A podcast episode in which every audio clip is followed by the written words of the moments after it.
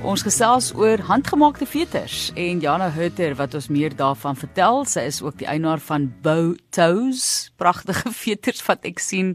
Jana, wat het aanleiding gegee tot die idee van handgemaakte skoenveters?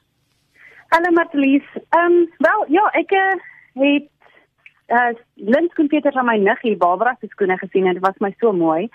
En um, ek self het verskriklik groot skoene. Ek dra nommer 9, so ek ehm um, soek maar altyd net vir my skoene, my voete plat mooi lyk. En ehm um, ek nêrens lintskoenveters kon koop nie. Toe soek ek maar 'n manier om dit self te maak en toe ek dit reg kry met my ma se voorbeeld my lewe lank, kry ek toe nou maar die inspirasie om iets daarvan te maak.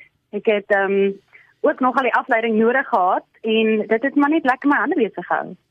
So verduidelik vir ons net die konsep ook en is dit veters wat op sy eie byvoorbeeld vervaardig word of is dit saam met 'n spesifieke skoene of kan ek nou 'n pak vol veters koop en dit aan my skoene ryg soos ek verkies vir daai dag?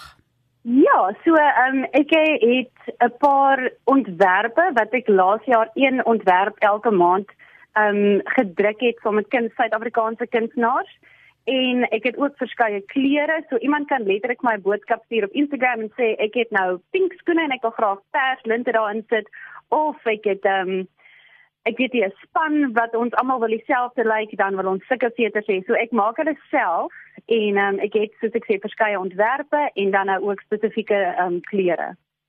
So kom ons gesels net gevindig oor die goeie bedoeling ook agter die besigheid en hoe 'n mens ook daardeur kan probeer help. Ons het nou gesels met ons vorige gaste wat juis probeer het eintlik maar net om ook by te dra tot die gemeenskap nadat hulle byvoorbeeld ook 'n as entrepreneurs daar wou aanvul in terme van inkomste weens die droogte in Merwe wil vertel vir ons van daardie agtergrond ook. Ja, so ek ek dink mense is ehm um, baie mense is so kreatief en mense vind hoop daarin om saam te werk aan aan verskeie besonderse projekte. Ehm um, my projek het, het ontstaan van ehm, 'n um, mediese ervaring waardeur ek gegaan het en ek het maar net gevind dat dit my so help om my hande besig te hou en dat mense het nie noodwendig meer gevra hoe gaan dit met my nie? Dit hulle het na, later gevra hoe gaan dit met my besigheid? En dit was my my gemoed eintlik baie baie goed. En um, as ek ooit die kans kry dan hou ek daarvan om vir mense te sê dat ehm um, daar's mos daai ou sê ding dat ehm um, om te lag is die beste medisyne. My idee is dan kreatiwiteit is die beste terapie. Dit dit bring mense bymekaar en ons kan nou nie almal Picasso wees nie en ons kan nou nie almal noodwendig viral gaan op die internet vir baie baie goed sing nie. Maar ek bedoel sien nou maar jy moet nou in kwarantyne wees, dan kan jy dalk leer om te jukkel en vir almal doilies maak wat jy vir hulle vir Kersfees kan gee. Daar's daar so 'n 'n genesende effek um agter kreatiwiteit en en soos ek ek sê dit bring nogal mense bymekaar. As mens ek kon net kan kyk na die werk wat jy verder ook doen en die feit dat mense nie altyd baie respek het vir die bedryf nie. Hoekom sê jy so? Ja, so dit dit is 'n bietjie van 'n um, riskante ding om dalk hardop te sê. Ek is 'n hoërskool Engels onderwyseres en ek vra um, soms vir my studente of hulle dink hulle ooit um, onderwyser sal wil wees. En baie van hulle sê dadelik net nee. Um, hier en daar het party al vir my gesê hulle dink nie hulle, hulle het die geduld nie.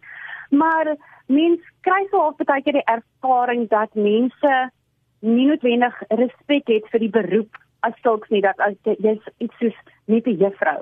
En as my kinders kan sien dat ek 'n mens is buite die onderwys, buite die onderwyseres wat voor hulle staan en vir hulle instruksies gee, um, dan het hulle dalk 'n uh, 'n ander vorm van respek vir my as mens en dan kan hulle ook begin dink aan hulle ander onderwysers as mense wat hulle kan respekteer. So daar daar's ook vir my 'n interessante boodskap daar agter.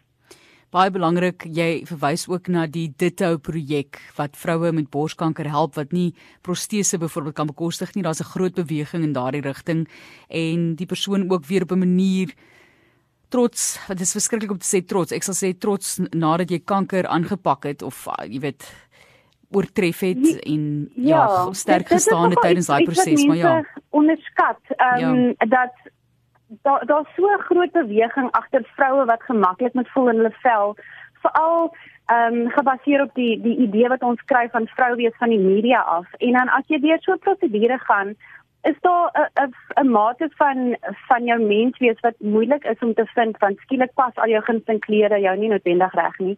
En daar is vroue wat nie noodwendig kan bekostig om die al die prosedures te kry om weer ek wil amper sê soos hulle self te voel nie. En die dit 'n projek fokus baie daarop. So Boutou sal baie graag ehm um, op die punt kan kom waar dit baie meer 'n uh, impak kan hê op die Ditto projek of saamwerk met die Ditto projek.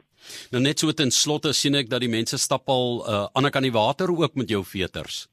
Ja, ek um, dit was nog of my baie lekker opwindende oomblik geweest toe Spelsko Nordics vra of hulle so 'n paar botos ehm um, oor see kan neem en ehm um, ek ek wag maar nog om om weer hulle te hoor, maar hulle het 'n paar van my klein klere en dan ook vir my ehm um, my ontwerpe wat ek sommer Suid-Afrikaanse kunstenaars gemaak het, het hulle oor see geneem.